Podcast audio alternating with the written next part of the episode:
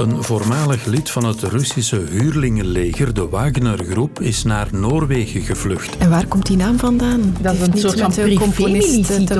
Zal ik een keer de Wikipedia-pagina van de Wagner-groep open doen anders? Wie zijn de soldaten van de Wagner-groep? Chauffagegraadje hoger misschien? Ja. Een badje pakken? Of een lange Ik ga wel echt een badje nemen, denk ik, vanavond. Ik heb daar echt keihard zin in. De gasprijs daalt. Wat kunnen we ons permitteren? Met dit vrij unieke laboratorium in het Limburgse heidelandschap kunnen onderzoekers als het ware in de toekomst kijken. En planten we binnenkort kikkererwten in plaats van perenbomen. Daar ga ik mijn tanden in zetten vandaag om het kwartier mee te vullen. Fijn dat je luistert. Ik ben Sophie van der Dood.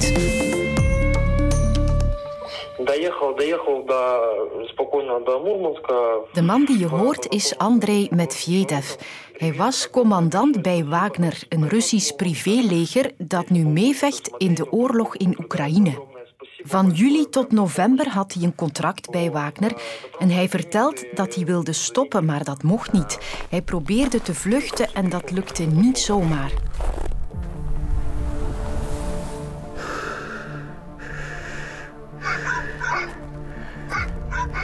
De veiligheidsdiensten zaten hem op de hielen.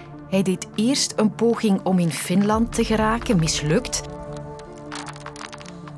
En vrijdagnacht kon hij dan toch een bevroren rivier tussen Rusland en Noorwegen oversteken. Hij zou tijdens zijn ultieme vlucht nog beschoten zijn door Russische militairen. Maar hij is dus in Noorwegen geraakt en daar is hij opgepakt. En die Medvedev zou nu willen getuigen over oorlogsmisdaden. En om klaarheid te scheppen heb ik een veel betere oplossing gevonden dan Wikipedia. Dag Jan Baljouw. Hallo. Het is inderdaad een spectaculair verhaal. Het is iemand die uh, voor de huurlingengroep van Wagner heeft gediend in, in Oekraïne. Het is uh, zeker geen doetje. Laten we het even over die Wagner-groep hebben. Dat is een soort privéleger dat zich nu mengt in die oorlog in Oekraïne. Maar hoe is die groep ontstaan? De groep is ontstaan toen de oorlog eigenlijk begonnen is in Oost-Oekraïne. Na de annexatie van de Krim, onrust in Oost-Oekraïne. Daar heeft die Wagner-groep een rol in gespeeld. is opgericht door een ex-luitenant-kolonel van de Russische militaire inlichtingendienst, Dmitri Oetkin waarvan ook wordt vermoed dat hij toch wel wat nazi-sympathieën zou hebben. Vandaar ook de naam Wagner. Dat was zijn roepnaam. Wagner was de favoriete componist ja, van, toch, uh, met de van componist Hitler. heeft het te maken. Ja, dus dan is hij in contact gekomen met uh, Prigozhin, ook wel eens de chef-kok van Poetin genoemd, die dan de groep gefinancierd heeft. Hij heeft dat eigenlijk jarenlang ontkend, uh, want het gebeurde allemaal heimelijk. Hè. Dat was ook de bedoeling van heel die Wagner-groep. die kon dingen doen die Rusland officieel niet kon doen. Hè. Dus daardoor kon Rusland altijd ontkennen dat de overheid daar iets mee te maken had. Die zijn actief geweest ja, in Syrië, in Centraal-Afrika, in Mali. En sinds de oorlog in Oekraïne zijn ze natuurlijk ook zeer actief daar, omdat ja, Rusland enorm gedesorganiseerd was. De invasie was eigenlijk mislukt, wat zorgde voor grote chaos bij het officiële Russische leger. En daarvan heeft Wagner geprofiteerd om die leemte op te vullen. In een oorlog hebben ze veel volk nodig. Waar halen ze hun soldaten?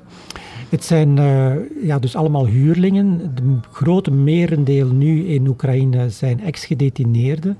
Er wordt geschat door de Amerikanen dat het gaat over ongeveer 40.000. En daarnaast zouden er nog 10.000 uh, echte huurlingen zijn, mensen met een contract. Die uh, ex-gedetineerden worden eigenlijk vooral ingezet als kanonnenvlees. Hè. Er zijn verhalen bijvoorbeeld in de strijd rond Bakhmut, Solidar, dat zij daar vooruit worden gestuurd om de Oekraïners af te leiden, zodanig dat ze eigenlijk vuren op die ex-gedetineerden, waarna dan de meer ervaren Wagner-huurlingen, dat zijn dan die 10.000, uh, daarvan kunnen profiteren om bijvoorbeeld uh, te proberen om die Oekraïnse linies te, te doorbreken. Maar dat zorgt natuurlijk voor enorme aantallen slachtoffers, doden, um, maar het zijn ex-gedetineerden, dus hun leven telt blijkbaar minder dan dat van uh, andere Russen. Waarom doet die groep dat allemaal? Waar streven ze naar? Is dat naar politieke macht? Wel, je hebt in ieder geval gezien dat uh, sinds september Prigozhin zich zeer sterk in de markt zet, zeker in Rusland, als een alternatief voor het reguliere Russische leger. Uh, hij wil duidelijk maken dat wat dat Russische leger er niet in slaagt, dat hij dat wel kan verwezenlijken. Maar dat heeft geleid tot nogal wat zenuwachtigheid in het Kremlin, omdat uh, ja, hij misschien ook wel te machtig wordt. Hè. Er wordt nu gesproken over in totaal 50.000 huurlingen die onder het commando van Prigozhin staan. Dat is een grote groep, een grote privémilitie. Iets wat natuurlijk een rol zou kunnen spelen mocht er ooit een machtsstrijd zijn in Moskou.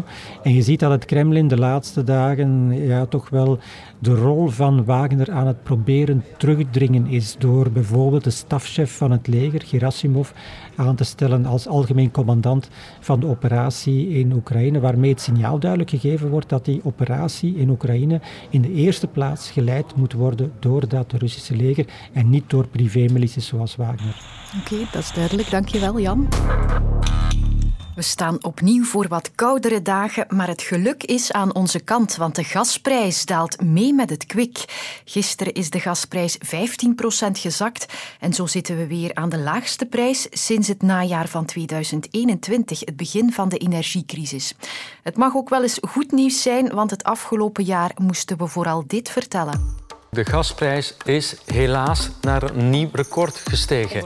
Door de oorlog in Oekraïne breekt de gasprijsrecord naar record. Vandaag ging hij zelfs even voor het eerst boven de gasprijs is nu dus het hoogst ooit. Vraag. Maar liefst 10.000 euro per jaar zal een gemiddeld gezin moeten betalen als de huidige prijzen nog langer blijven aanhouden.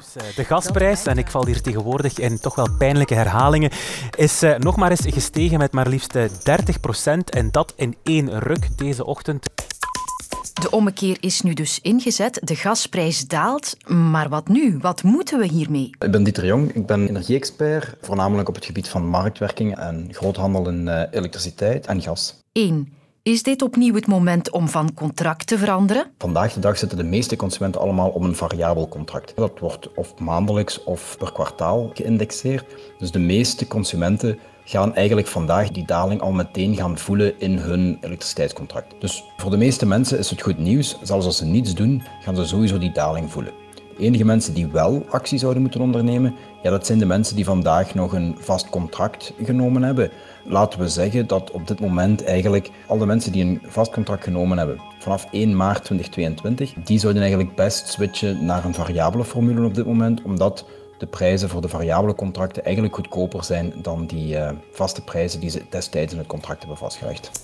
2. Pas je het best je voorschot op je energiefactuur weer aan? Daar moet je dus wel gaan kijken naar welk type formule dat je hebt.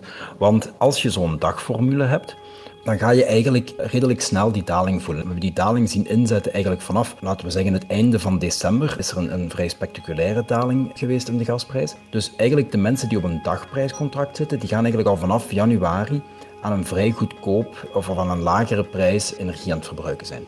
Dus voor die mensen kan het eventueel interessant zijn om te kijken of dat hun voorschotten vandaag nog in lijn zijn met wat dat ze verbruiken. Kun je eenvoudig op de V-test je jaarverbruik simuleren en dan zie je vaak meteen of dat je meer of minder zou moeten betalen dan opzichte van het voorschot dat je vandaag hebt. 3. Mag de verwarming weer een graadje hoger? Het is zo natuurlijk dat we blijven met Europa in een vrij moeilijke situatie zitten. We waren zeer afhankelijk van Russisch gas. We hebben nu redelijk veel gas naar ons toegetrokken. Maar we merken dat die gasmarkt wel onder stress blijft staan. Hè. Dus we, we, we zien nu dat we eigenlijk een extreem warme winter hebben. We zijn ook veel minder gas met z'n allen aan het verbruiken. Dus we zien dat er eigenlijk weinig vraag naar gas is en tegelijkertijd weinig nood is omdat de temperaturen zo warm zijn. Nu, we weten dat de komende zomer er niet direct heel veel problemen gaan ontstaan, omdat de, de gasvoorraden zeer goed gevuld gaan zijn. We gaan waarschijnlijk de winter uitkomen met een gasvoorraad in Europa die nog steeds op 50% gevuld is. Normaal gezien zitten we dan veel lager op het einde van de winter. Dus we gaan minder moeite hebben om die terug aan te vullen naar de volgende winter, maar we moeten die wel gaan aanvullen. En dus om nu te zeggen van als we nu alles meteen loslaten en we gaan meteen met z'n allen terug gas verbruiken, ja, dan is dat misschien niet het allerbeste om te doen, maar op je factuur zal je het minder merken dan in het verleden. En nog een belangrijke tip. Ik denk dat het sowieso altijd goed is voor die mensen die al een digitale meter hebben, dat ze zoveel als mogelijk proberen om een zicht op hun eigen verbruik ook te houden. Hè, om te kijken, wat heb ik nu eigenlijk gedaan? Wat heeft effect gehad? Hè? Ik heb gezien dat veel mensen energie hebben proberen te besparen door bijvoorbeeld de lampen uit te doen.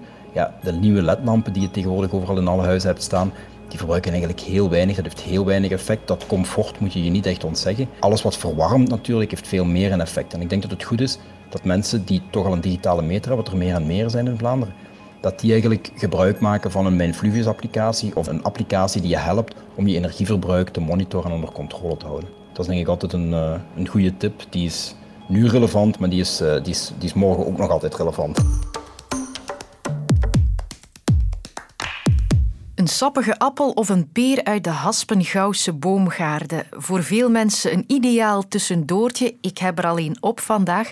Het zijn van die typisch Belgische landbouwproducten die bekend zijn tot in China en Brazilië en waar we trots op zijn. Onze groente- en fruittelers zorgen elke dag opnieuw voor kraakverse producten.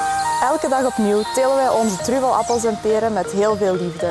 Fruit van bij ons moet geen lange afstanden afleggen. Het is dus kraakvers. Het valt van de teler bijna recht in je bord. Een Belgische appel, dat smaakt toch altijd veel beter. Kies lokaal en ga voor groenten en fruit van bij ons. Denk aan fruit van bij ons. Maar zullen we dat fruit over pakweg 15 jaar nog vlot kunnen kweken? Met de klimaatverandering is dat een kopzorg voor fruittelers en onderzoekers. In Limburg is het Vlaams Centrum voor Bewaring van Tuinbouwproducten vandaag met een experiment begonnen om te zien hoe perenbomen reageren op die klimaatverandering. Toptechnologie, de Ecotron die we hier hebben in Maasmechelen, waar we klimaatonderzoek doen met 12 klimaatkamers. En waar we vandaag de installatie doen van een test op perenbomen. En ondertussen duiken er ook nieuwe gewassen op. Teelten waarvoor het hier vroeger te koud en te nat was. Kikkererwten bijvoorbeeld, die worden al enkele jaren geoogst in Oost-Vlaanderen. Hier staan uh, dus de eerste kikkererwten in België. Die zien er voorlopig zeer goed uit. Ja. Die houden van warme temperaturen. We gaan kijken in uh, andere Europese landen of dat die teelt daar lukte. En dan zag ik dat die teelt uh, steeds noordelijker kwam in Frankrijk. En dan heb ik beslist om zelf ook met de teelt te starten. Is onze landbouw mee aan het veranderen met het klimaat? Hoe liggen onze akkers erbij over 20 jaar? Ik vroeg aan professor Nadja Sudzilovskaya van de Universiteit Hasselt. Hallo. Om eens in haar glazen bol te kijken. Er zijn inderdaad twijfels. Appels en peren zijn traditionele fruitbomen die in Limburg geteld worden. En de laatste jaar is er verschuiven naar peren, meer dan appels. En tegenwoordig is de telt goed, maar gaan de bomen met de klimaatverandering ook in de toekomst voldoende kwaliteit fruit opleveren? Dat is nog de vraag.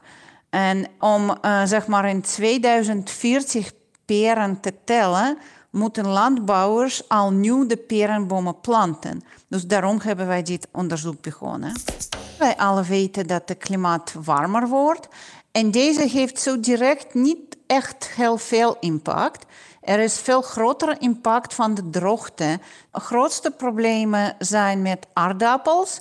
Bijvoorbeeld in 2018, het was heel warme zomer en dan de aardappelsteelt is bijna 31% gedaald. De volgende zou tarwe zijn. En de peren zijn ook uh, kwetsbaar. Wij weten niet zeker of ze gaat goed of niet goed tegen de klimaatverandering. Er komen peelvruchten zoals kikkererwten, zeekraal. Lekker om salade ermee te maken. En het is echt droogtolerant en zouttolerant.